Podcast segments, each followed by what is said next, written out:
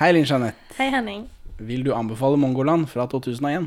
Ja, vil du anbefale Mongoland fra 2001? Nei. Perla for svin. Velkommen til Perle for svin, podkasten for deg som ikke liker taglines. Eh, Vanligvis er vi to middelmådige menn i 30-åra som ser norske filmperler, men eh, Benjamin er fortsatt på pappaperm, så da har jeg fått hjelp av Linn Jeanette, en ekte kvinne fra Karmøy. Eh, Vi har sett Mongoland i dag, som er begynnelsen på Stavanger-bølgen. For du er jo eh, fra Karmøy, så du er da et Stavanger-menneske helst. Stemmer ikke det? Ja, jeg har bodd ti år cirka i Stavanger. Ja. Jeg ser for meg Jeg er jo fra Moss, og da var alt som var kult Hver gang du skulle på konsert, eller du skulle, hvis du skulle begynne på en kul skole, eller du skulle treffe noen kule folk, så var det alltid i Oslo. Jeg ser for meg det er litt sånn hvis du er fra Karmøy til Stavanger. Det vet jeg ikke, men eh, livet mitt begynte jo egentlig først. Jeg flytta jo til Stavanger med en gang jeg ble voksen. Så før jeg var voksen, så gjorde jeg ikke så veldig mye kult. Nei, men sånn, når folk gjorde kule ting, var det i Stavanger, eller var det på Karmøy? Var det på bedehuset på Karmøy? Nei, altså? Keisers Orkestra kommer jo ikke fra Karmøy, eksempel. Nei, nettopp. Det gjorde Og- ikke. Og når folk flytta hjemmefra, i hvert fall i Moss, så flytta de alltid til Oslo. De flytta ikke til et annet sted i Moss. Ja, og eh, fra Karmøy så Hvis de studerte, så studerte de i Stavanger Ja, i tre år og tok en bachelor. Og så flytta de tilbake Ja, til Karmøy. alle har flytta hjem til Moss nå. Ja. Ja, men det er, det, det er eh, forholdet Karmøy-Stavanger-Moss-Oslo er omtrent som jeg trodde, da. Prikk likt. Mm. Hva er ditt forhold til norsk film, Linn Jeanette? Jeg ser aldri film, nesten. Verken norsk eller utenlandsk. Um, har sett veldig lite norsk film. Jeg vet hvem Kristoffer Joner er, og Pia Tjelta. Alle andre som var med i den filmen, er fullstendig ukjente for meg.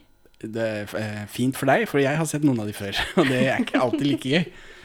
Vi spiller jo inn i din leilighet i dag, så da vil det nødvendigvis bli litt trikkebråk, kanskje litt trafikkbråk, og kanskje litt eh, fyllebråk også, hvis jeg kjenner nabolaget ditt rett. Så Muligens litt fyllebråk fra meg òg. det kan hende. Skål. Og så er jeg litt tett i nesa, egentlig, så er det advart om det også. Nei, det var en velsignelse å se deg, frøken. Se her. Kom og se deg inn. Stavangerbølgen Det er vel bare et uttrykk på at det ble veldig mye skarre-R i norsk film etter 2001 på grunn av denne filmen. For dette, eh, dette Det vi så nå, er jo strengt tatt en studentfilm. Mulig. Det, for de er studenter alle sammen. Det er ikke Den er Kristoffer Joner var jo litt etablert. Eh, Han har en liten rolle i Detektor, og han er med i en episode av Offshore. den såpeserien. Kjendis.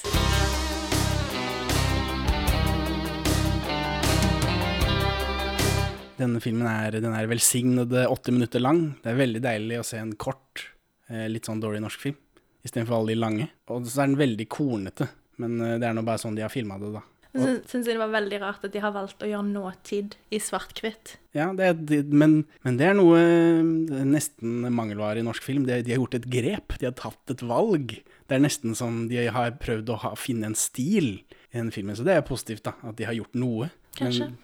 Og så er det, det er færre av disse flashbackene. Det er fargefilm. Dette er jo skutt på film, sånn som man gjorde i gamle dager. Det er ikke digitalt. Eh, Og fargefilm koster nok mer enn svart-hvitt-film. Den fargefilmbiten eh, det er, det, er, restefilm fra Detektor, eh, en annen norsk Stavanger-film fra 2000. Har du sett den? Eh, nei, ikke ennå. Jeg lurer på om ikke han regissøren av den er med på laget her. Om han skuespiller litt også, det tror jeg alle som er med på laget her gjør, men eh, i denne filmen. Men jeg tror han er med på baksida også, han er produsent eller noe sånt. nå. Hei, kjenner du meg ikke igjen? Pia. Regissør Arild Omundsen, han fortsetter å lage filmer satt til Stavanger-området. For dette, denne filmen starter liksom Stavanger-bølgen, og så kjører han regissør eh, Arild Omundsen på eh, med Monster Torsdag i 2004 og Rottenetter i 2009, som også er Den er satt til Olje-Stavanger, da. Ikke det romantiske, eh, koselige Stavanger som vi får se her. Men skuespilleren tar jo også med seg disse skarrærene ut i verden. Spesielt Kristoffer Joner og Pia Tjelta forpester jo all norsk film etter dette. Jeg syns det er helt vakkert å høre på. ja, Skikkelig stavangersk eh, på film. Bare litt innslag. Det var en bergenser der. Jeg vet ikke om du hørte forskjell. Eh, nei, altså det er en fyr på E som er engelsk der òg, tror jeg. Ja, han høres egentlig mest tysk ut. Ja, jeg vet ikke hva det var, jeg. Men det Men ja. jeg, For jeg blir litt sånn, eh, blir litt sånn eh, Får sånn dialektsjokk hver gang eh, Forrige gang jeg så film også, så var det med Kajsa. Da så vi Camilla og tyven, og da også Det var veldig mye Veldig mye dialekt. Var dette bedre? Dette var hakket bedre. Hakket bedre. Kan være for at du er vant til meg. Det kan hende. Men Kristoffer Joner og Pia Tjelta blir jo superkjendiser ja, eh, nesten over natta av den filmen her. Og Vegard Hoel, han som spiller Vegard, alle heter jo det samme nesten i det. Det er gøy. Ja, men det er fordi det er en sånn studentfilm. Det er vanskelig for meg å gå tilbake i tid til år 2001 og se for meg et Norge som blir grepet av Mongoland-filmen. En film på det Ja, jeg vet ikke. Det er vanskelig for meg å gå tilbake i tid og, Det og var forstå vel det. nytt, da. Ja, tydeligvis. Fresht. Det er liksom, å, det er, de skarpe r-ene. Dialekten er veldig fresh. Det er svart-hvitt eh, og fine farger. Jeg vet ikke. Jeg vet ikke hva det var som, som, eh, som det gjorde at det grep folk på den tida. Men det, den solgte 100 000 billetter, som er ganske mye, for en sånn film som dette. Og utover Vestlandet òg. Ja, det vil jeg anta. Men eh, han som spiller Vegard, Vegard Hoel, han, han tror jeg nesten han er, Jeg tror jeg vi har sett mer i den podkasten her enn både Pia Tjelta og Kristoffer Joner til sammen. Men her sånn så spiller han en sånn klein nerd. Mens vanligvis så ser vi han som slesk, eh, gjerne litt feig skurk i, i podkasten. Han er skurken i Burning 2. Han er litt sånn slem i, i den eh, siste Askeladden-filmen. Han har vikla seg inn i den uh, tappeluftgjengen til eh, Tommy Wirkola. Eh, Tommy Wirkola, Død snø og, og det greiene der. Ikke sett. Tomme tønner. Han har produserer i Tappluft produserer Tomme tønner. Og Vegard Hoel er jo med der også. Han er med i Rød snø også. Død snø, mener jeg. Blant annet det- Kill Buljo, da. Har hørt om, ikke sett. Ja, nei, jeg, vi har ikke sett den vi heller, men, eh, men det er eh, liksom det er Tommy Wirkola, da. Han fyren der. Altså En dro drosjesjåfør sin, sin jobb den går ut på å kjøre folk fra A til B, og så tar du penger for det. Sånn er det. Det, det er liksom drosjevirksomhet. det. Men så fortsetter denne Stavanger-bølgen utover eh, egentlig det neste tiåret etter dette. Alt for Egil i 2004, Mann som elsket Yngve i 2008, der er det jo et par filmer til i den serien. Jernanger i 2009, bla bla bla. Videre og videre videre. Så det er Stavanger-bølgen. Det er Oslo-filmer, det er noe. Fordi eh, man lager film i Oslo tydeligvis. Og så plutselig så kommer Stavanger. Nå lager vi film i Stavanger, men Trondheim-filmer, Bergen-filmer, det er ikke et begrep. Det fins ikke. Jeg vet ikke. Det er i hvert fall veldig mange Stavanger-filmer. Det, det syns jeg er passelig romantisk. Jula, familien og ja, det, det liker jeg. Ja, Det kan bli romantisk. Så da kjører du meg likevel, da. Nei. Kristoffer Joner, ja. Den første jobben hans var en episode av Offshore i 1998. Og i 2018 så spiller han en birolle i Mission Impossible 6. Så det tar jo da 20 år fra, fra å jobbe seg opp fra en norsk eh, såpeserie til en Tom Cruise-film. We are creating thousands of jobs. Regissør Arild Østin Omensen var samboer med medforfatter Gro Ellen Gjelle. Eh, Og de, Gro Ellen Gjelle og Arild Omensen har også skrevet den neste filmen hans sammen, 'Monstertorsdag'. Som også er en sånn Stavanger-film hvor det handler om surfing på Jæren, tror jeg. Jæren er Stavanger, er ikke det? Jo, ish. Men eh, så ser jeg at Omundsen gifter seg med Silje Salomonsen, hun som spiller Silje i denne filmen her. Eh, Rett etter eh, at de har spilt inn Rottenetter, så rundt 2009, da. Og så sammen så regisserer de Totori, 'Sommeren vi var alene', i 2020. Hvor eh, også barna deres uh, har hovedrollen. Hyggelig familiebedrift. tydeligvis. Det er Stavanger-greiene, vet du. Det er litt kleint å spørre folk utafor Stavanger vil være med å lage film. Ja, men jeg syns det er mye bedre at man holder seg til å bruke skuespillere som faktisk er fra Stavanger, istedenfor å lage bare ei mølje hvor man later som om disse skuespillerne er fra Stavanger, og så kommer de inn med masse andre dialekter, sånn som man har gjort på norske TV-serier i det siste, hvor alle Oslo-borgere skal inn og spille eh, hovedrollene i dype fjorder. Ja, altså Ja. Det er noe, noe da, men i norske filmer så er det alltid med en svenske eller danske, uten at de forteller hvorfor denne personen er svensk eller dansk. Så det er litt det samme, kanskje. Det vet jeg ikke, men det er vel òg manko på kvalitet. Ja, Men det var da ikke i denne filmen, var det det? på kvalitet. Nei, jeg tenkte en dansk eller en svenske. Nei, nei, det var det ikke. Fordi, Bare eh, en American. Ja, ja, det er han eh, engelskmann, tror jeg de sier. Ikke amerikaner, ah, ja. engelskmann. Eh, dette danske-svenske greiene, det er vel noe de, vi har med oss fordi vi har ingen ordentlige Hollywood-kjendiser i Norge. Så du må ha litt budsjett hvis du skal ha med en svenske eller danske, og det har jo ikke den filmen her. Nei. Norske Hollywood-stjerner er eh, Aksel Hennie, kanskje. Kanskje. Og så har han Kristoffer Hivju, han med rødskjegg i Game of Thrones. Han er en ordentlig Hollywood-kjendis. Han er en Hollywood-kjendis. Han er en eh, Folk fra USA vil kjenne han igjen, på, bare på ansiktet. Det kan, det kan ikke Aksel Hennie skilte med. Men utenom, men utenom det så har vi liksom ingen. Så Jeg så de- faktisk Kåre Conradi i uh, den nyeste serien jeg så, Industry. Eh, Det er ing- tror jeg ikke en eneste amerikaner som vil kjenne igjen Kåre Conradi, verken på navn eller utseende. Nei, der spilte han òg en fra Belgia. Ja. Nå er det jo ganske småfrys her, og jeg har en, eh, en jævlig tallerken med varm grøt hjemme hos meg. Du har ikke lyst på litt uh, fôr? Mongoland 2 er på trappene. Ja? Er det noen grunn til det, da? Nei, det syns jeg ikke. Nei, ikke jeg heller. Det, um, det er- Jeg fikk ikke lyst til å Jeg lurer ikke på hva som skjer med disse 20, om 20 år. Nei, altså, når jeg, eh, nå syns ikke jeg dette var det flotteste i hele verden, men mange syns det. Spesielt folk fra Stavanger. Og jeg skjønner Jeg ser sjarmen med det, men du kan ikke gjøre dette igjen 20 år etterpå, etter at eh, alle har vært med i masse store, ordentlige filmer. Regissøren har jo lagd ordentlige filmer. Eh, Du kan få ikke samla denne lavbudsjett, ikke noe budsjett, studentfilmfølelsen en gang til. Nei, og nå, da vil det jo være i 40-årene, disse personene. Ja, Og forhåpentligvis ha pult, og kanskje bli kvitt eh, angsten sin. Eller ikke. Det, Det kan man jo lage film av. Ja, det blir vel noe angst og noe greier, sikkert, men Men eh, se, skal de liksom Skal de skyte digitalt? Skal det bli Imax-bilde for dette her? Det må man jo. Ja, men eh, Og det ødelegger litt, for denne Ja. var fin fordi det føles ut som noe eh, I hvert fall for meg. Jeg, jeg eh, studerte jo journalistikk og gikk sammen med mediestudenter. Og de løp jo rundt og trodde at de skulle lage neste sånn type film. Nettopp. Ehm, så det, derfor det gir meg litt sånn god følelse, eh, fordi det føles ut som noe klassekompisene dine kunne gjort. Og så er det koselig å se på. Det er ikke, det er ikke den beste dialogen eller de beste skuespillerprestasjonene. Nei, alt sammen ser ut som en sånn audition-tape som de har sendt inn. For de skal prøvespille for noe annet. Ja. Men, eh, men ja, men jeg tror ikke de klarer Det går ikke an Folk som liker dette, jeg tror de liker det fordi den er så sjarmerende. Men den sjarmen får du ikke igjen 20 år etter, når alle er proffe. Nei, den har litt nostalgi som ikke kan videreføres i 2021-2022, hva tid enn den filmen kommer. Ja, det er vel snakk om uh, mulig premiere i 2022, men eh, alt er litt sånn opp i lufta nå med koronaen. Eh, og regissøren avfeier mongo-begrepet med at krenkesamfunnet har gått for langt. Så da vet du hvor han står på det, da. Tror du, at han, eh, tror du det er greit å kalle han for Mongo? Mongoland i 2022? Nei, det tror jeg ikke. Men han sier bare åh Han kommer til å prøve seg. Ja, ja.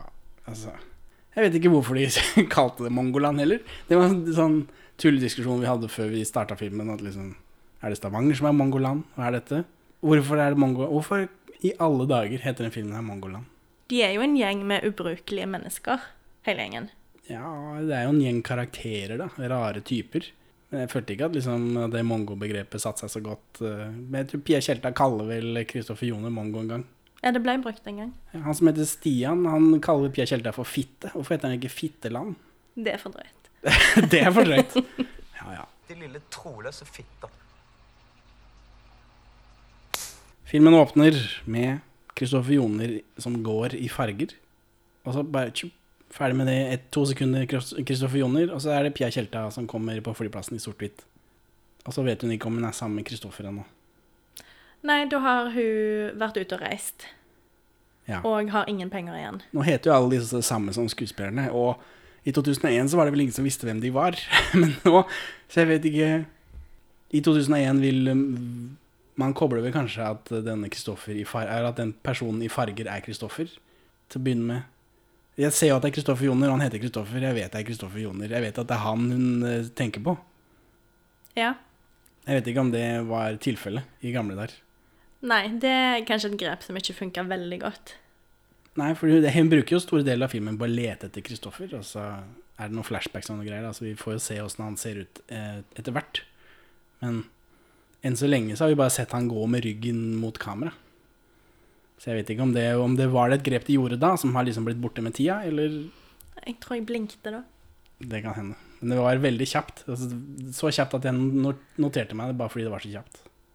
Jeg var mest opptatt av at hun landa på Sola flyplass. Ja, for der har du vært. Der har jeg vært Ja. mange ganger. Ja, det er veldig viktig gjennom denne podcasten, hele podcasten at du forteller Når vi kommer til steder i filmen hvor du har vært, så må du fortelle om det. Det er derfor du er her. Det er jo derfor jeg valgte en Stavanger-film med en fra Karmøy som har bodd i Stavanger. Ja. ja nei, jeg syns jo det var veldig fint. Uh, jeg får jo Jeg har jo hjemlengsel til Stavanger akkurat nå. Ikke Karmøy. Nei, ikke Karmøy. Eh, jeg savner ikke Karmøy. Men, men Stavanger, så bare det når de kjører Når hun endelig får kommet seg inn i denne taxien Eh, Nei, hun kom seg ikke inn i en taxi. Nei, hun gjorde ikke det. Hun ble kjørende med, med tog. Et juletog. Ja, men jeg tror det var en sånn bankreklametog, var det ikke det? Laboline. Jeg mener det er noen gamle Sparebank 1-maskotter. SR-bank heter det i Stavanger. ja, å, ja, beklager. Det kan være. Ja, nei, men da fikk vi i hvert fall se noen bilder fra, fra Klubbgata. Og de kjørte over Hundvågsbrua, og da følte jeg meg hjemme. Sånn at jeg er jo ikke objektiv når jeg sier at denne filmen kan anbefales. Nei, nei, men det er ingen som er objektive her. Eh, Jeg tror jeg bare anbefaler ting jeg har sett i barndommen. Så. Ja, for eh, Pia Kjelta vet ikke om hun er sammen med Kristoffer fordi hun har dratt sin vei de, Det har skjedd noe greier der de skulle Det får vi vite senere, da, i disse flashbackene. At Pia Kjelta og Kristoffer Joner de er så forelska og greier, og de skulle Pia Kjelta vil dra på eh, jordomseiling eller noe sånt når hun vil dra på tur. Interrail, hva det er for noe. Kristoffer Joner sier han kan være med, og så kan han ikke være med, for han, det er noen bandgreier, men så er de sinte på hverandre også. Jeg er ikke helt sikker på hvorfor Nei, de er sinte. Først så var det vel eh, faktisk Kristoffer sitt forslag om å dra på ferie. Ja, Skal ferie, ikke, eller skal vi ikke bare reise inn sammen? ja. Ja, men ikke et år. Jo, jo, jo. Var det hans forslag å Ja, reise et når de står eh, Vi får noe flashback tilbake til ei strand og noe sånn. Eh, Ja, og så står de og snakker om Syden eller noe sånt. Kanskje ikke Syden, men de står og snakker om ferie. Ja, det var noe reising også. Så sier han skal vi ikke bare reise et halvt år? Jeg tror det var der det starta. Tror han tok initiativet. Ja. Jeg fikk det med meg som om det var hun som ville være borte i et år.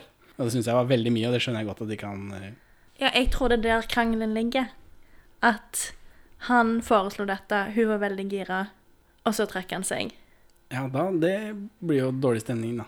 På grunn av uh, at han heller vil fokusere på bandet sitt. Ja, det blir jo tatt opp som en grunn, men det er ikke bare det at han er klein, da. Jo, han har jo ingen gode grunner. Uh, hun foreslår jo at de kan vente med å reise. Men, eh, men han, vil, han trekker seg jo bare unna uh, og ber henne reise, ikke ta kontakt. Og så ser vi hvor vi er om et halvt år, eller når du er tilbake. Ja, det blir veldig dårlig stemning av det, i hvert fall. Men nå er hun jo tilbake. Og hun finner ikke Kristoffer Joner fordi han er flytta, og telefoner har man ikke i, i 2001. Jo, det hadde man, men uh, hun får ikke ringt han. Har ikke telefonnummeret hans, vet ikke hvor han bor. Men hun kjenner jo absolutt alle Alle i hele Stavanger er jo den, i den klikken her. Det skulle jo være mulig å, å finne telefonnummeret hans, da, men eh, det ordner seg jo til slutt. Men det var Jeg syns det det er, eller, det er en sånn drømmeaktig følelse i disse. Det er jo svart-hvitt for det første, og så er det en del sånn drømmeinnslag også. Jeg får litt sånn A Christmas Carol-feeling med at man ikke Man går ikke tilbake for å se på hvilken person man har vært, eller noe sånt, men man Den eh, Det grepet man tar med at man eh, blir sendt fra en person til en annen hele veien, og jeg får vite litt mer og mer av historien. Får i hvert fall meg til å tenke på andre julefilmer. ja, ja, ja, for det er en, dette er en romantisk julekomedie. Ja. Noe så sjelden som en romantisk julekomedie. På det tidspunktet så var det vel eh, litt mer originalt. Dette er jo blant annet før Love Actually, tror jeg. Man kan jo da spekulere i om Love Actually hermer etter Mongoland. Det er nok eh, en overveldende sannsynlighet for det. At, at eh, Richard Curtis, er det han heter, regissøren der, satte seg ned og så Mongoland og ble inspirert. Du mener knølling? Ja. Fra Sola, flyplassen som du har vært på, eh, så skal Pia får jo ikke kjøre gratis med taxien, For hun, hun har ikke noe penger så hun vil kjøre gratis. Og så forteller hun hvor romantisk hun er, eh, at hun skal finne Kristoffer og alt dette er romantisk, og han eh, taxisjåføren syns det, det er veldig romantisk og fint, det liker han veldig godt. Men han kan ikke kjøre henne gratis likevel. og det syns jeg det var gøy. Ja, det er viktig å være prinsippfast. Og det er han, selv om han til og med Han òg kjenner Kristoffer. Ja, ja, altså han kjenner alle sammen, og han kjenner ho, og liksom, ja, ja, hyggelig, kjempehyggelig, og, og så driver hun og så liksom smører han. Så, ja, du kan kjøpe meg gratis da, vel, siden er så, du er så positiv. Nei, nei, det går ikke. Det jeg, det likte jeg faktisk. Så han begynner tidlig med han, 'jeg vil like det'. Men selv om jeg blir sånn grinta av at det er så dårlig kvalitet på bildet. Men det, sånn er det med studentfilmer. Og så er vi plutselig inne på en pub. Det er vel Hvilken pub er dette? Dette er Sementen. Den ligger nede på Eller i Vågen i Stavanger. Og den er legendarisk. Den ser prikk lik ut i dag. Og man har Rundt juletider så har man samles der. Folk samles til og med på julaften på Sementen. Så går det masse slitne sjeler etter julemiddagen, og så drikker man seg full på Sementen. Den har alltid åpent. Og det er masse bøker der, og du kan spille spill. Og det, det er litt sånn Masse slitne sjeler, men òg masse kulturelle figurer. Jeg er sikker på at Hvis du går der, så ser du Kristoffer Joner. Men er det Ser vi mer til sementen her? For det, den festen er ikke på sementen. Nei, men det er der Den er ikke på sementen. Det er en hjemmefest. Det er der de møter hverandre sånn i flashbacks. Fordi når man leser om Mongoland, så er det, snakker de bare om sementen, og alle intervjuer utføres på sementen. Hvis de skal intervjue Kristoffer Joner om hvordan det var å lage Mongoland for uh, ti år siden, så gjør de det på sementen. Så da trodde jeg det var mer at, Jeg trodde at det stedet var mer til stede. Men det er bare Det er den scenen her i nåtid, og så er det noen flashbacks til at de traff hverandre der. Det er ikke mer enn kanskje tre og et halvt minutt i spiltid. Ja. Så det overrasket meg at det var så lite. Siden sementen står så sterkt i, i mediebildet rundt denne filmen. Det skal òg godt gjøres ja, Man ser bare en bar, egentlig. Du ser veldig lite av sementen. Ja, altså det sa ikke det kunne vært hvor som helst. Ja, ja. Det sa ikke meg noe som helst. Jeg syns ikke om, Og fordi man har drevet og masa om sementen, så trodde jeg at det skulle være kulere, men det var jo bare et bord. Så ja vel. Nei, men igjen, husk at dette er 20 år siden. så da hadde du ikke sett bare før? med, med, både Backgammon og Trivial Pursuit? Ja, vi ble imponert. da Jeg fikk lyst til å gå der med en gang, jeg. Ja, ja. ja. ja. Det, jeg elsker fortsatt å gå fortsatt. Jeg gikk ikke så mye på bar i 2001, men uh, fortsatt i dag så ville jeg gått på en, uh, på en pub hvor jeg kan få spille Trivial Pursuit. Ja, de har jo backgammon. Det var jo veldig fancy i 2001. De som sitter der, det er eh, noen jeg kjenner igjen. da, Marco. Han kjenner jeg igjen fra Han er med i Villmark også. Den har jeg sett. Ja, og han, er, han spiller nøyaktig samme karakter i Villmark. Han er veldig irriterende og slitsom. Og Så er det Silje Salomonsen, da, og så er det Vegard Hoel. Og de snakker om en gammel festtradisjon som ikke de vet om de vil gå på. Det er tydeligvis tradisjon å gå på lille julaftenfest hos en eller annen. Elin. Elin. Og de vet ikke om de vil gå på den. Og så kommer Pia bare sjanglende inn der og alle er, alle er, gamle kjente. Hei på deg, hei på deg. Scene slutt. Ja, det blir snakka masse om, om uh, gratis gløgg. Og uh, at det i seg sjøl er jo god nok grunn til å gå på denne festen. Det er Marco da som mener det at det, det er god nok grunn. Og så nevner de at Kristoffer så nevner de at Kristoffer er i byen, kanskje. Altså, det var det. Det var veldig brått for meg, jeg som trodde hele filmen skulle være inni den baren. For nå kutter vi brått til at det virker som Pia har dusja og sovet hos Vegard. For nå er det dagen etter, for nå er, dette lille julaften. Ja, jeg tror det fortsatt er lille jul... Nei, dette må vel være lille lille julaften. Er det en dag til? Hun møter Kristoffer på lille julaften. Ja, men nå er vi på morgenen med Vegard. Det er lille julaften. Ja, ok. Ja, for jeg trodde hele greia skulle være lille julaften, jeg. Ja. Så det, det også var pussig for meg. Men jeg trodde egentlig at det var natt, fordi hun får servert øl og ei skive med brunost.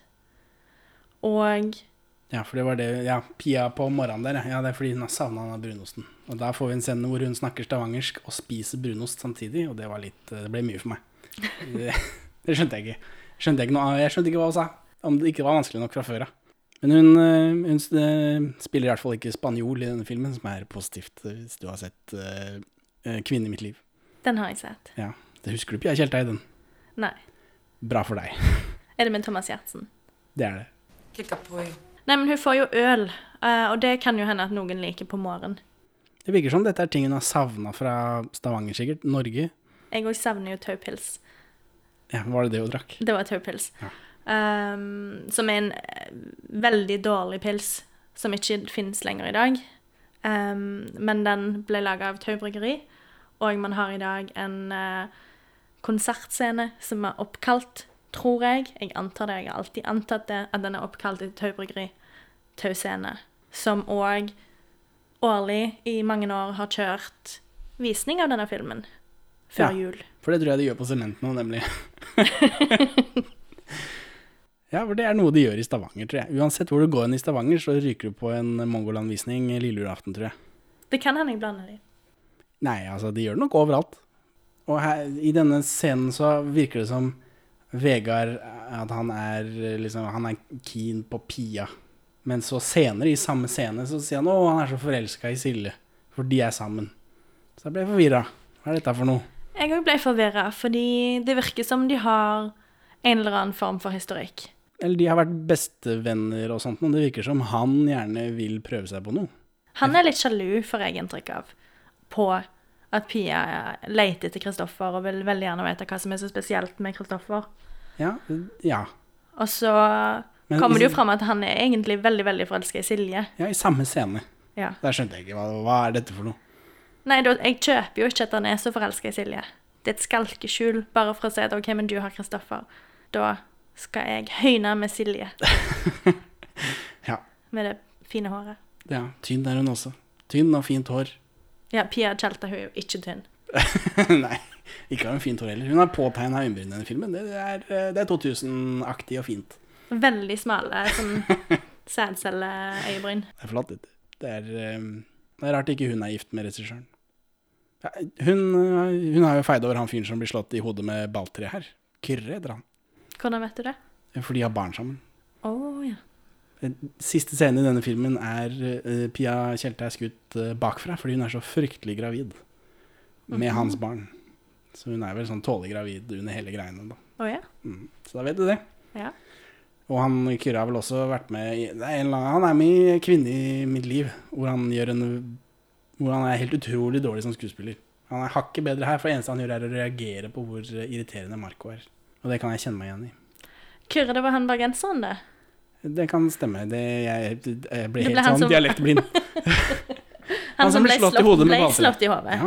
OK. Ja, nei, han er fra Bergen. Og så klikker det for han, og så slår han Marco. Ja. Og da, da reiste han opp i sofaen her og klappa. Endelig. Han, det, han er da altså ikke fra Stavanger. Nei. Nei. Men uh... Så hun dro litt lenger for å finne faren til sine barn. Ja, eller i hvert fall én far til noen av barna hennes. ok, Sånn å forstå. Så var han jævlig sjarmerende. Jeg syns du sa han var helt mango, jeg. I denne frokostscenen så får vi også et flashback til sementen. Så jeg tenkte aha, mer sement. Jeg skjønner, jeg skjønner hva som skjer. Eh, og hvor Kristoffer gjør en ikke supergod Christopher Walken-parodi, men, men den er helt OK. Og så her kommer det mongo-ordet, da. Hvor Pia sier at Kristoffer er helt mongo. Er det lov? Er det lov å si mongo? I 2001 så var det lov å si mongo. Um, jeg har brukt det sjøl. Det er ikke lov i dag. Da Jeg vet ikke hvilket ord man skulle ha bytta det ut med. Hvem var det du kalte mongo? Jeg har nok kalt alle mongo. Garantert alle mine søsken. Pu kalte vi for, eh, brukte vi da jeg gikk på ungdomsskolen. ja. Det er kort for psykisk utviklingshemmet. det brukte vi mye på ungdomsskolen, husker jeg. Nei, vi kalte folk for mongo. Eh, eller hemmes eller sånne upassende ting. Makan. Og her sitter vi altså i dag, helt uten skam. Og politisk korrekte emblet. Det er, det er mye snakk om Oslo her, litt på samme måte som vi i Moss snakker om Oslo. Det er som å levele opp og flytte til Oslo. Eller var da, da vi var eh, unge og, og freshe. Samtidig som man ser litt ned på Oslo. For de som ikke vil til Oslo, ser ned på de som vil til Oslo. Ja, for det er jo sånn det er blitt nå, da, når alle jeg kjenner har flytta tilbake til Moss igjen. det er liksom åh, Oslo, been there, done that. Orker Ja. ikke mer.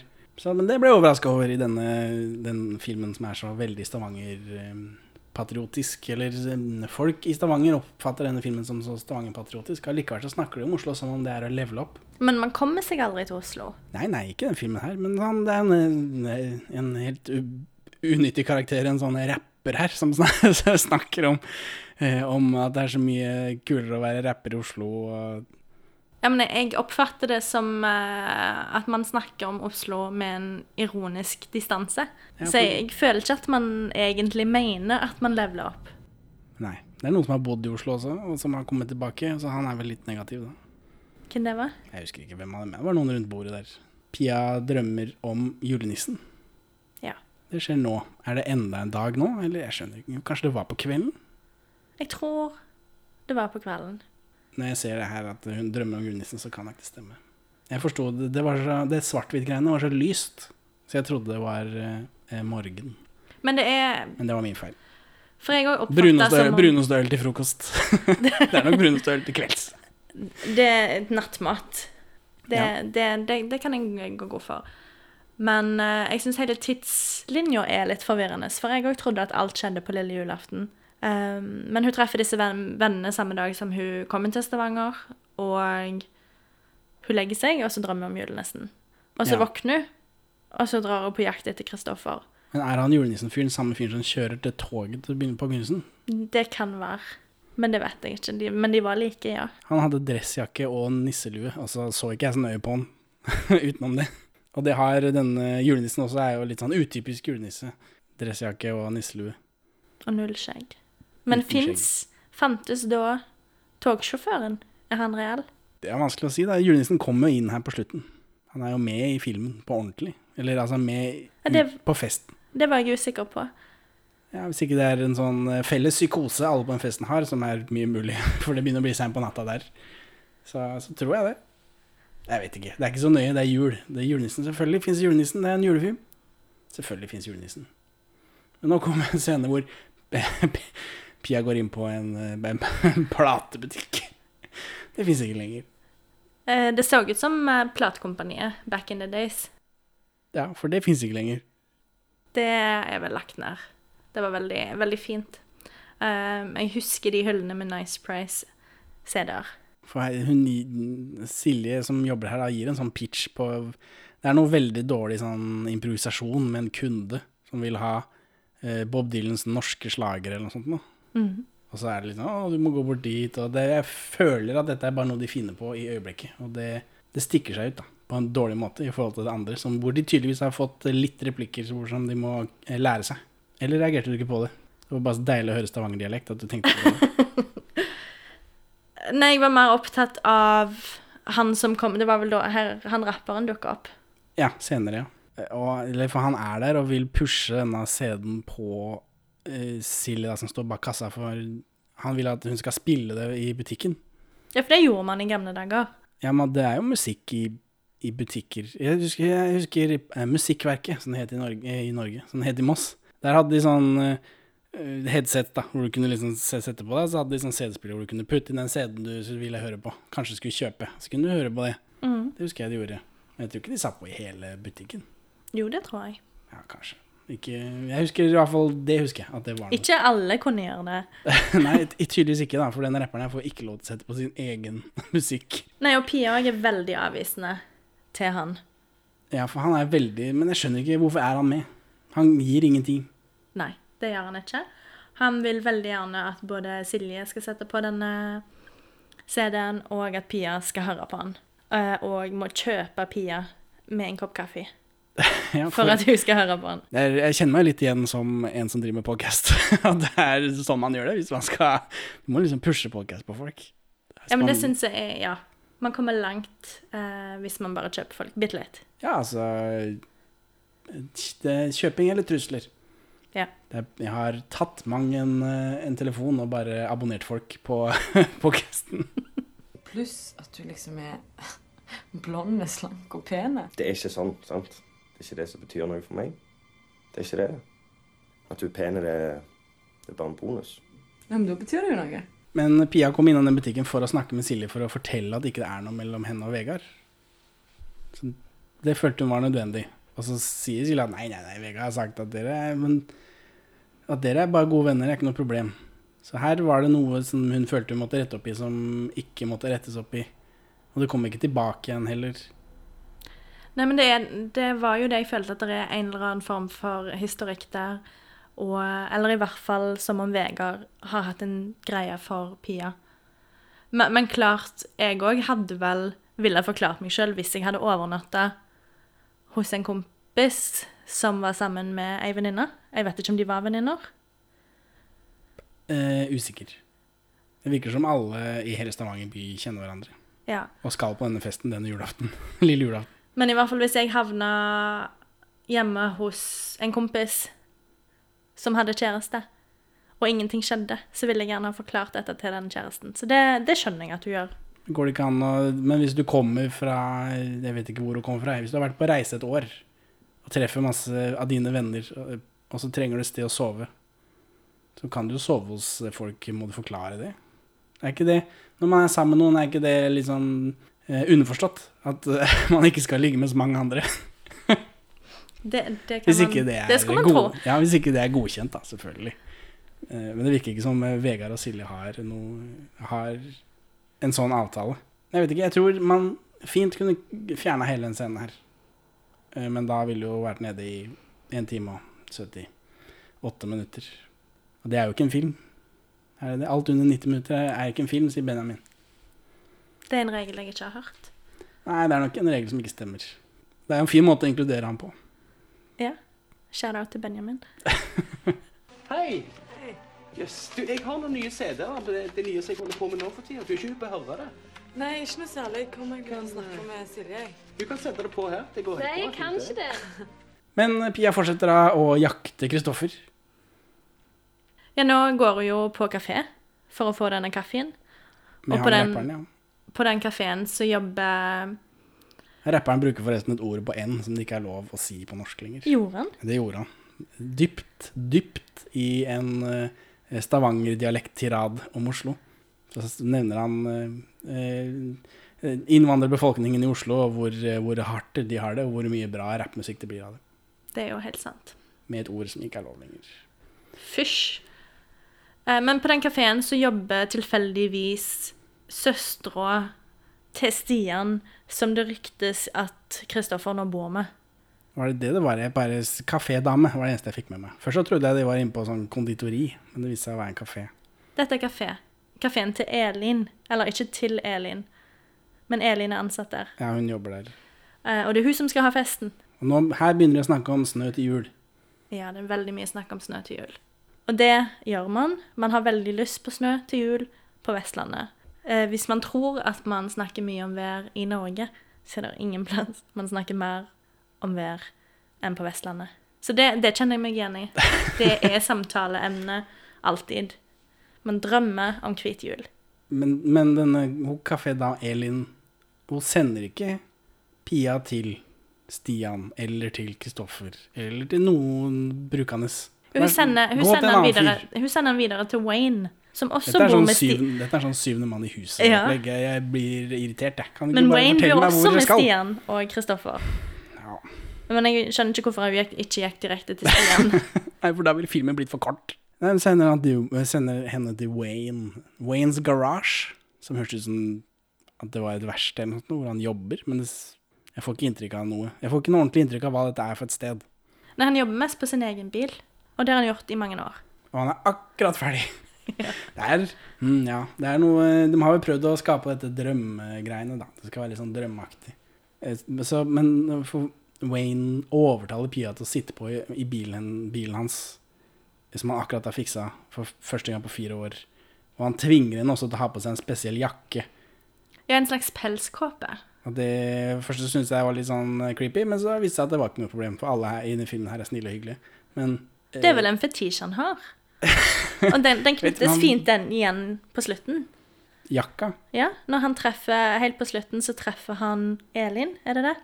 Kafédama har jeg bare skrevet. Ja. Aner ikke hva hun heter.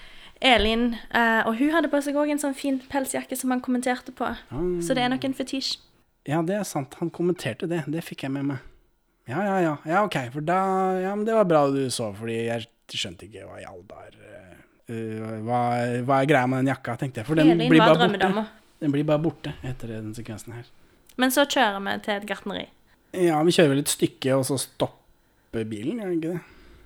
Og Jo, det så starter de bilen igjen. Så det også var litt bortkasta, annet enn å etablere at denne bilen kanskje ikke er helt fiksa, da. Ja, vi måtte ha en pause og gå ut og prate litt. Og så funker bilen igjen på magisk vis. Ja, han har fått hvila seg litt, da. Og Ja. Wayne her vil også ha snø til jul, så vi får det igjen, da. Nå kommer vi til drivhus, hvor Pia sniker seg innom mellom masse blomster, og så skremmer hun Stian. Og Kristoffer har ødelagt livet til Stian. Fordi han feiga ut for den der eh, platekontrakten. Og Pia ødela livet til Kristoffer, så Stian er sint på Pia, da. Ja, og her får vi se Får vi da se Får vi en veldig merkelig historie om Kristoffer som, som feiger fullstendig ut fra alt. Som, eh, hvor planen er at man skal ta et fly til Oslo, hvor han får flyskrekk. Og så skal man ta tog til Oslo, hvor man kommer seg til Hillevåg, som er stopp nummer én eh, fra Stavanger sentrum. Eh, hvor han må gå av dette toget fordi han får togskrekk. Og så skal man kjøre til Oslo, og da kommer de seg helt til Egersund før han får bilskrekk. Så man får jo sånn der annet inntrykk av Kristoffer som ikke er helt stabil. Ja, han er veldig ustabil her, så, så Ja. kanskje like greit at eh, han og Pia ikke eh, dro på tur sammen. De hadde nok ikke kommet så langt. Eh, Nei, Hillevåg, da. Ja. Det er der det stopper. Og Kristoffer Etter at Pia drar, så slutter Kristoffer å feste og være kul, tydeligvis. Og han skrev bare drittsanger om tapt kjærlighet til dette bandet, så da faller dette bandet fra hverandre. Og når ikke han kan dra til Oslo for å spille eh, prøvespille for denne ba- bandkontrakten, så, så blir det dårlig stemning. Bandet går fra hverandre. Stian, I denne sekvensen så kaller Stian Pia for en fitte, og Pia slår Stian i ansiktet. Og så begynner hun å klippe i stykker blomstene hans eh, for å få han til å fortelle hvor Kristoffer er. Ja, det syns jeg er helt riktig reaksjon når man blir kalt ei fitte. Men jeg tror den slåinga var, eh, var reaksjonen på det. Jo, jo. Ja, da er de skuls. Nei, det er bare for dramatisk effekt. Jeg, jeg, jeg liker det.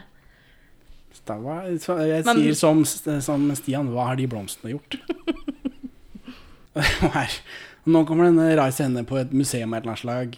Eh, Vi er, tidligere så har vi vært på det museet fordi Vegard sitter sammen med en annen fyr som ikke jeg vet hva heter, og setter sammen et svært eh, skjelett. Ja, en dinosaur av noe slag, kanskje? Jeg tipper hval. Jeg tror ikke de er så fancy at de har dinosaur. I Stavanger, det vet jeg ikke. Det vet kanskje du? Jo, det tror jeg. Helt, jeg tror at det finnes et naturhistorisk museum. Med dinosaurer eller hvaler. Jeg har aldri sett en hval på et Jeg har aldri henger, henger i taket, da. vet du. Har du sett eh, dinosauruser, da? Nei, jeg har aldri vært på Naturhistorisk museum. Ja, ja, der er det hull i Stavanger-kunnskapen.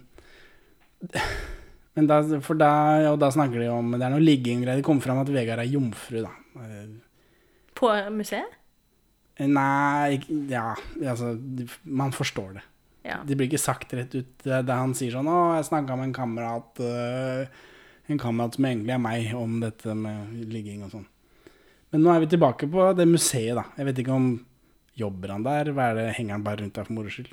Jeg tenker han jobber der. Ja, det var rart. Litt dårlig etablert. Unødvendig. Det er et unødvendig Det var helt, helt unødvendig. ja. Altså, Den, hele den scenen er egentlig litt sånn unødvendig, for han sier bare ting vi vet allerede. En gang til. Eh, For han monologer om noen dokker og kjærlighet og, og noe trekantdrama han ser for seg med disse figurene, da. Og whatever. Det traff ikke meg noe særlig. Og så er Vegard Form er liksom litt ute av skuespillerform her. Han pleier å være bedre enn det han er akkurat her. Det har vel kommet med masse øving. Ja, ja. ja. Men jeg er jo vant til å se han.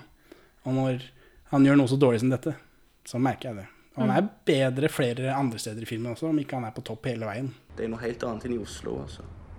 Sant? det har de jo Det har de jo skikkelig kriminalitet, liksom, og innvandrermiljøer, og liksom Det, det er jævlig mye å ta tak i der, liksom, hele veien, så Så det, det har de. Men selvfølgelig, de altså Negerne i USA, de, er jo, de leder jo stort, og det de må tåle, er bare helt sinnssykt, altså. Så er det en mer nissedrøm. Nissen maser med at Pia ikke tror på julenissen lenger. Unødvendig, eller nødvendig? Nei, helt unødvendig. Men Det er bare akkurat det samme som den forrige nissedrømmen, på et annet sted. Ja. Men det er vel for å få fram at det er jul? Mest sannsynlig, for det ser jo ikke så julete ut. Fordi nå er vi i parken, hvor Kristoffer, eller hvor Pia, eh, ser en fyr med en løvblåser som står og blåser løv midt ute i skauen der. Ja, I desember? Ja, jeg vet ikke, det var de, de skal jo fram til noe som jeg godkjenner. Eh, Men det ble jo litt sånn rart sånn å begynne med. Tenkte jeg, hva er dette for noe rare greier? Men poenget, utløsningen på denne setupen, eh, den skal de få eh, godkjent. Fordi, fordi Pia ser en fyr med løvblåser. Hva er dette for noe? Går nærmere, nærmere. Det er Kristoffer. Han snur seg rundt, og så blåser han noe i trynet med den løvblåseren. Så altså, håret flagrer i sånn, sånn som de gjør i romantiske filmer når folk løper mot hverandre. Og, og i slow motion. eh, godkjent gøy, morsomt grep av filmen. Ja. Så det er helt greit. Så snakker de igjen om at det ikke er snø. Og så er alt greit, liksom. De har ikke noe, de har ikke noe å skvære opp. Fordi Pia vet ikke om hun er sammen med Kristoffer, og det virker som Kristoffer er helt greit at han er, at han er sammen med Pia. Jeg vet ikke. At de liksom de, vet, de, jeg får kanskje følelsen at de skal liksom date igjen, da. At de er liksom på igjen, utenom ikke de er liksom smash på. Ja, for det er ikke den varmeste velkomsten. Nei, men det er ikke Eller gjensynet. Nei, men det er ikke sånn 'Å, jeg beklager at jeg var så dum', eller 'Hvorfor var du så dum'? Det er ikke noe Du får ikke noe Noe kat katarsis Katarsis akkurat her. Nei. Du Får ikke det i det hele tatt, egentlig, når jeg tenker etter, i den filmen her. Jeg tror bare de er litt tafatte. Jeg tror ikke de hadde så mye å krangle om. Nei, det er kanskje sånn når man er i 20-åra. Det er jo så lenge siden. Ja. For Pia kommer bare rett ut her og sier 'Å, hun elsker Kristoffer'. Og istedenfor å svare elsker deg også, Pia', så sier Kristoffer at eh, hvorfor, 'Hvorfor dro du?' og da blir Pia sint. Eller Pia var sint fordi Kristoffer feiga ut, så hun måtte dra alene. er vel det som kom fram her. Men Kristoffer blir invitert på denne festen da, av Pia, og det er liksom Er det det som er eh, Hvis han kommer dit, da er de liksom venner, da. Da er de på igjen. Tror jeg. Eller? ja, sånn forstår jeg òg det. Da skal de møtes, og alt virker egentlig som det er fint igjen. Og smash cut, nå er vi på fest. Ja. Var ikke verre enn det. Og da her dukker han Kyrre opp. Og så ser jeg bare, jeg noterer bare at han eksisterer, fordi han, han kunne også, de, vi kunne fint klippet han ut av filmen. Han, også. Jeg elsker deg. Hvorfor dro du, da? Vegard har på seg et Spock-slips. Silje vil pule, men hun vet ikke forskjellen på Kirk og Spock. Det er, det er kleint. Ja, og Silje er Nei, ikke Silje. Vegard er sur på Silje for at Silje har prata med Pia. Han tror vel at de har snakka om at ikke han puler. Ja. Og det har de jo. Har de ikke? Jo. Jo, det har de. Det kommer frem. Silje sier at ikke de puler. Ja. Og så, og så det, går det derfra til at Vegard står ute eh, og, og er trist, vel, fordi de snakker om tissen hans, sikkert. Og så kommer Dette er, her skjønte jeg ikke noe av. Så kommer, kommer Pia Tjelta ut.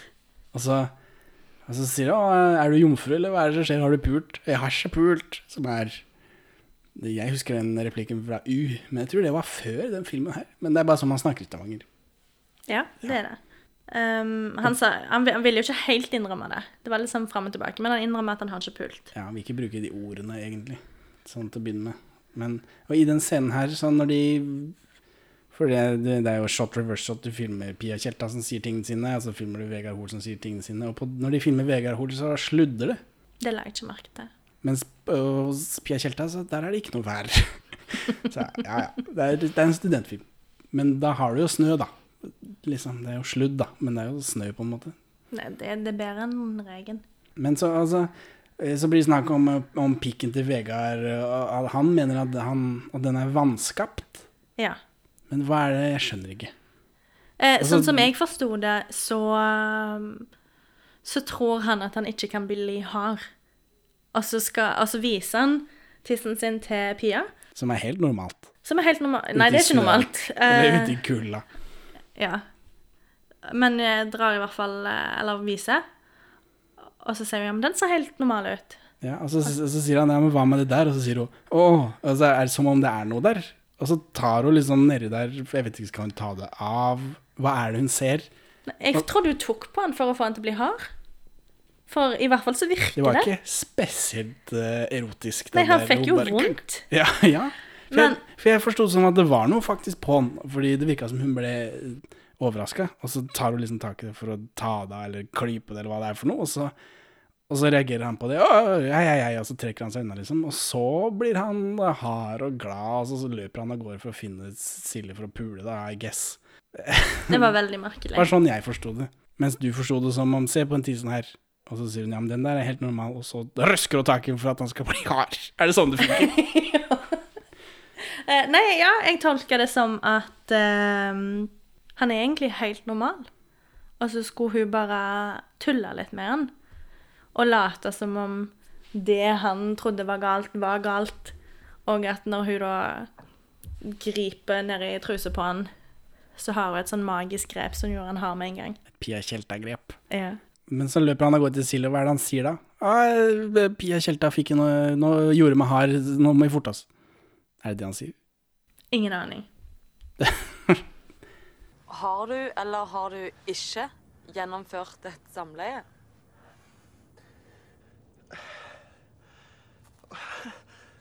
OK, OK, faen. Jeg har ikke pult. Er det noe galt i det, da? Pia prøver å spleise kafédama og Wayne, som er en eh, litt sånn klein, men hyggelig scene. Hvor hun går bort til og Ja. kafédama går bort til Wayne og sier ja, 'Skal du ha drikke?' Han Wayne bare 'Nei, nei, jeg har uh, fra før av'. Altså liksom Så hadde han bare en skvett igjen. Ja ja, altså Det går ikke noe sted, men, eh, det, men det var uh, kleint og hyggelig. Hun kafédama virker hyggelig. Veldig søt. Naiv og søt. Og så er det noe greier med Marco og Wayne. De går ut i den fine bilen, og de sitter midt på vinteren med vinduene nede, fordi de tar opp dette på film og må ha med dialogen. så det syns jeg er morsomt. For Marco vil veldig gjerne fyllekjøre, og så liksom rygger de av gårde. Og så blir de borte fra filmen et øyeblikk, heldigvis. Og så er det Nå er vi inne på et soverom. Silje kler på seg, Vegard kler på seg. Silje sier å, det går bra, det skjer med alle. Men Vegard er veldig fornøyd. Han ler og, og koser seg med ryggen til, da, så hun ser det ikke. Ja, han ser litt sånn psykotisk ut der, syns jeg. For jeg, Nå trodde jeg at han fikk den ikke opp allikevel, men han har tydeligvis fått den opp. da. Det har gått for fort, kanskje? Er det det som har skjedd? Det kan være. Jeg, for jeg òg tolka forsto det først som at oi, nå kanskje ikke gikk likevel. Men uh, Ja, det har nok bare gått for fort, ja. Neste scene med de to, så vil jo han Vegard vil pule mer med andre folk. så da Og det vil man vel bare påstå hvis man faktisk har pult. Sant. t- tror jeg. Men akkurat her sånn, så der skjønte jeg igjen ingenting. For jeg, jeg trodde jeg også at ikke han fikk den opp, og så sitter han og ler og syns dette er koselig. Så jeg vet ikke, Eller han koser seg, liksom. Jeg skjønte ikke. Eh, Så er det neste scene at Marco har krasja denne bilen offscreen, selvfølgelig, for det er jo dyrt å krasje biler i norsk film. Og da kommer taxisjåføren inn, for han skal fortsatt ha betalt. Dette her eh, Wayne kunne du klippet ut. Marco kunne du klippet ut. Ja. Men taxisjåføren må jo komme. Det er sant. Og noen må gjøre dette, men kan ikke noen ringe til taxi? da? Klokka er fem. De sier på tidspunktet at, eh, Kristoffer skulle komme klokka ti, og nå er klokka fem. Ja. Det, det gikk fort. Veldig fort. Plutselig så har man nachspiel uten at man har vært på byen. Ja, altså For Kristoffer har ikke kommet på fest ennå. Men eh, For han står hjemme og varmer opp foran speilet, og tar ikke telefonen når Pia ringer. Ja, igjen så er han eh, full av angst. For, her kommer det en liten scene hvor folk danser sånn som de gjør på norsk film. Og så kommer Vegard inn, og jeg tror han er, han er vel full sikkert. For han er veldig glad i Silje akkurat nå. Samt, og positiv til Kristoffer og Pia Ja. i dette, dette øyeblikket. Og så etterpå så Vegard så Etter dette så krangler Vegard med Silje fordi han vil pule andre. Ja, da vil han Jeg Vet ikke om de sa at han ville ha et åpent forhold, men Ja, han vil prøve Han vil smake andre viner, eller hva det er for noe. Stemmer. Men for, det føltes litt som han, han vil ligge med Pia nå, da, selvfølgelig. For det er jo det, det, er det eneste andre kvinnemennesket i filmen her som vi bryr oss om. Ja. Men han var jo akkurat for et halvt sekund siden superpositiv til Kristoffer og Pia sammen. Han- Og veldig glad i Silje. han er jo ingen god venn. Jeg vet ikke hva det var, men det svinger fælt, syns jeg. Svinger. Ja, men herregud, vi er sammen. Vil du gå ut og smake på mer vin? Vil du gå ut og prøve andre? Nei, det Kan du vær så god få lov å gjøre det? De smaker papp. Og nå er klokka fem på morgenen, og Vegard antaster Pia, og det liker hun ikke. Nei. Det blir dårlig, stemme, dårlig stemning. Og, og her klipper til Kristoffer som fortsatt står foran speilet klokka fem på morgenen. Og han eh, prater med seg selv da. Han er, sånn, han er vel nervøs for å treffe band, eh, eller de folka som han har blitt uvenner med opp igjennom, da. Og sånt. Og, men her tar han iallfall telefonen, men han slår opp med Pia på telefonen, eller hva skjer? For han velger jo ikke komme. Ja. Jeg òg forsto det som at han dumper dumpa nå. Så at dette Jeg tror ikke det funker, eller Jeg tror ikke vi skal gjøre dette. Og så får vi et 17. mai-flashback. Det var veldig koselig. Det er eh, så sterkt som 17. mai står i den norske liksom, kulturen, så er det overraskende få 17. mai-filmer. Dette er jo ikke en 17. mai-film, det er en julefilm. Men eh, det er sjelden man ser 17. mai. Ja, og de var veldig lykkelige på 17. mai. For nå er det sånn Å, vi har slått opp eh, Å, se så lykkelige vi var. Og da skal Pia dra til England. Klokka er fem på morgenen. Senere enn det også. Og hun skal dra til England. Bom, med en gang. Ja, men det, det vil man jo ofte når man har blitt dumpa. Så vil man jo bare komme seg bort. Ja, det er helt greit, men jeg syns timingen er eh, På julaften morgen Ja, jeg, jeg lurer jo på hvor er familien hans. Jeg vet ikke Hvorfor bor hun ikke? Hvorfor sover hun ikke hos familien sin? De bor kanskje på Karmøy, da. Det er for langt. Det kan være. Hva er det som hva det som gjør en Kristoffer så spesiell? Nei, første gang jeg traff han, så var han jo helt mongo. Nå er det veldig dårlig stemning på festen. Eh, han Stavanger-rapperen driver og rapper. Eh, noen tenner på juletreet, de ødelegger julepynten. Kafédama, som jo eier stedet, tror jeg. Det er hennes hjem, eller hva det er for noe. Hun syns det er veldig trist at de ødelegger julepynten hennes. Det er dårlig stemning. Og Kristoffer holder fortsatt på foran speilet. Og så får han besøk av nissen. Ja. Denne nissen som ikke ser ut som en nisse. Og så får vi litt mer Kristoffer Walken-parodi. Og så sier han Han julenissen sier at Kristoffer Walken ikke spiller i Liv Ullmann-filmer. Det syns jeg er morsomt, for jeg tror det er en kommentar til eh, formatet her. Den litt kornete svart-hvitt-greiene hvor folk ser hverandre. Okay. De ser rett i speilet, og liksom, hvor det er liksom eh, litt low-key. Tror jeg. Det tolker jeg det, da. Ja, den, jeg kjenner ikke Liv Ullmann. Nei, det, er mye, det er mye svart-hvitt-filmer med folk som ser rett i kamera og gråter. Så, så så Det er ikke sikkert det stemmer, men jeg syns det var gøy av den grunnen. Fiffig. Fiffig. Og så nissen overbeviser Kristoffer om å dra på fest, da. Ja, det gjør han, og han blir med på fest. Og da blir det god stemning plutselig, for nå kommer liksom Kristoffer inn med nissen, og alle ser nissen, tror jeg. Fordi nissen, har med, nissen snakker til alle sammen, i hvert fall. Og han har med sprit, og han har med gave, da, som er Kristoffer, er gaven til Pia Tjelta. Eh, Men Pia har jo dratt. Og her tror jeg den eh, julenissen blir borte. Ja. Det er, det er, eller det er siste gang vi ser han. For han, de får Ikke helt siste gang.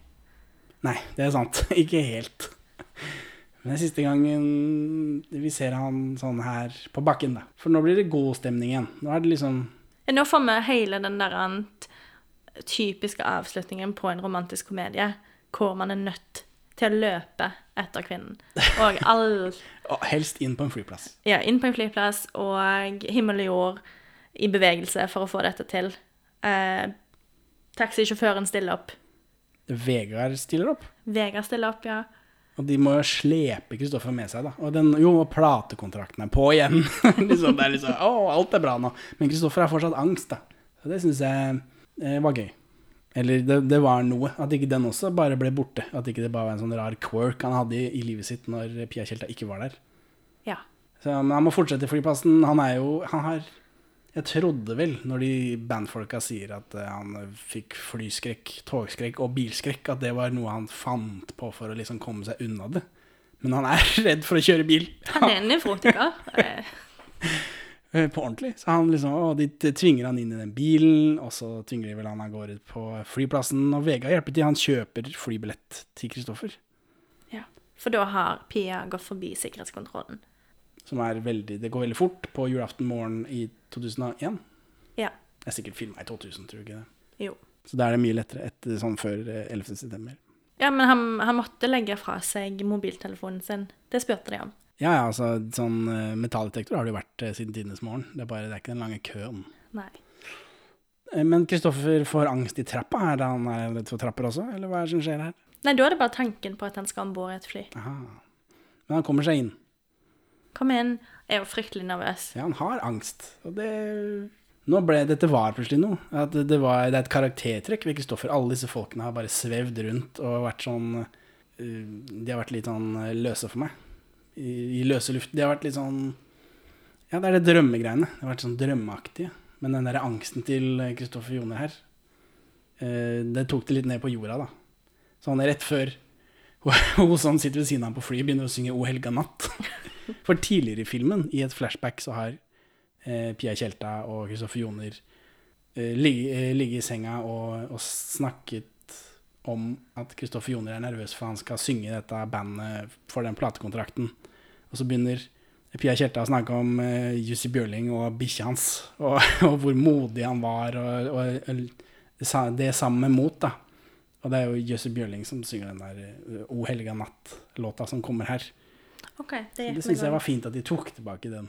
Og, og av den synginga så blir jo Kristoffer Joner modig. Eller om det skjer inni hodet hans da, at han blir modig samtidig eh, som han innbiller seg at alle på flyet synger Jussi Bjørlins O helga natt. Det syns jeg er morsomt. Eller dette er noe. De ro, han roer seg. i hvert fall. Det, jeg, jeg likte det, at liksom, hun begynner å synge, og syns jeg dette er nå, dette er rare greier. Og så reiser han seg opp, og så går han nedover flyet, og så synger alle. det det syns jeg var gøy. Og så snør det i Stavanger, eh, og Kristoffer finner Pia til slutt, og så er det noe klining, da. og så får klipper de tilbake til festen, da, hvor alle disse folka som jeg ikke har giddet å snakke om, eh, de finner hverandre. Hun kafédama og han eh, Wayne eh, finner hverandre vel. Kyr og Marco de slutter å banke hverandre opp. Det er, liksom, det er god stemning, da. Og samtidig som det snør, og det er så vakkert at det snør. Og så er vi, Men filmen slutter inne på det flyet. Og her tror jeg Om de hadde et budsjett, så har de brukt det på dette. Og det, det er ikke stort de har i budsjett, det er panteflasker fra en annen fest, tror jeg. Ja. Så For her er det noen effekter av at de ser ut av vinduet til julenissen som sitter på en sånn gammeldags slede og vinker tilbake. Og så ser vi liksom fra utsiden og inn eh, på dette flyet deres som de har fått lånt et eller annet sted. Og de vinker, og det er liksom Det er, det er god stemning, da, i svart-hvitt. og Det var et veldig gammelt fly hvor man hadde seter mot hverandre. Jeg så det. Det Men- tror jeg ikke man hadde i 2000-2001. Nei. Så det var nok lånt fra et museum. Så, Linn Jeanette, hvorfor vil du anbefale Mongoland fra 2001? Jeg vil helst bare anbefale den hvis man har et forhold til Stavanger. Og hvis man som meg blir glad av å høre litt deilig dialekt på norsk film. Uh, og se, den er litt sånn der en søt, naiv. Den har en god følelse i seg, syns jeg. Ja, du vil anbefale den først og fremst pga. Stavanger. Ja. Det gir jo mening i og Hvis du først skal anbefale filmen som starter Stavanger-bølgen, og anbefale først og fremst pga. Stavanger Ja. Jeg drømmer. Hvit jul. En sånn som det pleide å være før.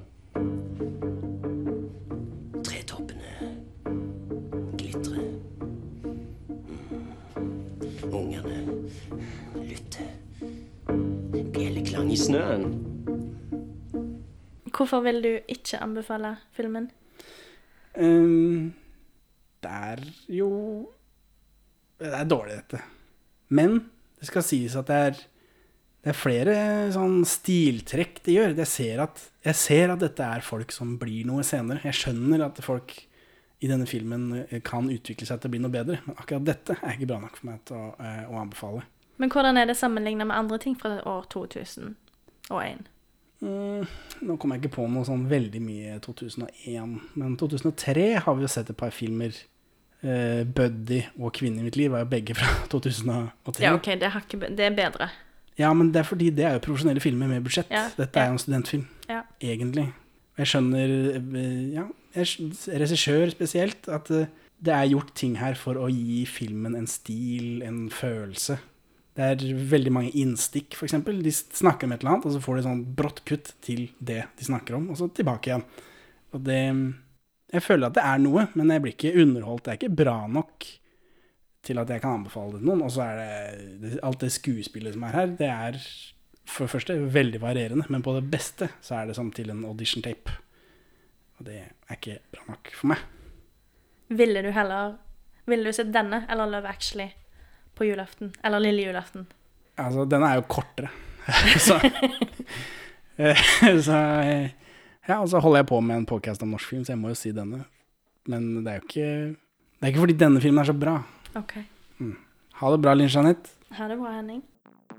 Takk for at du hører på Perler for svin. Du finner oss først og fremst på perleforsvin.no, men også på Twitter under perler-for-svin, Facebook som perleforsvinpod, eller du kan maile oss på perleforsvinpod at gmail.com. Gi oss gjerne en eh, rating i din lokale podcast-avspiller, og, og legg igjen en beskrivelse, så folk skjønner hva det er for noe tull vi egentlig driver med.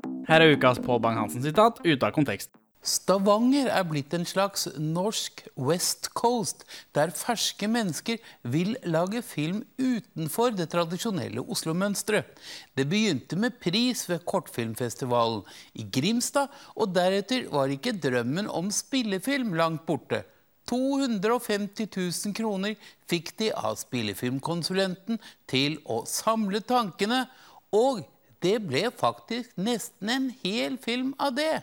I denne uken har AV-fondet bevilget 2,6 millioner for å få de halvferdige rullene ut av boksene og opp på kino allerede i januar. Mongoland heter filmen. Men hvor er nå egentlig det? Det mener jeg at Mongoland er, kan jo være her i Stavanger. Altså, kan, men det kan òg være i, i, i Oslo, i, eh, Canada for den saks skyld. Men altså, det er ikke bare et Det er liksom ikke bare et sted i Mongoland at du kan definere sånn Der er Mongoland. Men det er òg altså, Det er en tilstand, det, eller det er noe med at vi er, vi er alle litt mongoer. Altså, vi har en liten mongo i oss alle. Altså, du kan sitte på kafé og drikke caffè latte og drømme om at du skal reise et sted. eller noe sånt. Og det er frustrerende å sitte der, men det er da du liksom er inne i Mongola. Og det er den tingen der som skjer da. Og det, det er fint å være i Mongoland noen ganger. Du trenger å være i Mongoland. Sånn er det. Yeah, yeah. But here on the west coast we have a reality. You will see when you look behind the fjords, the fjords and into society. Yeah, yeah, we love this country. Yeah, yeah, we love this country. Yeah, yeah, we love this country. Fylle på litt. Ja, hvis du trenger.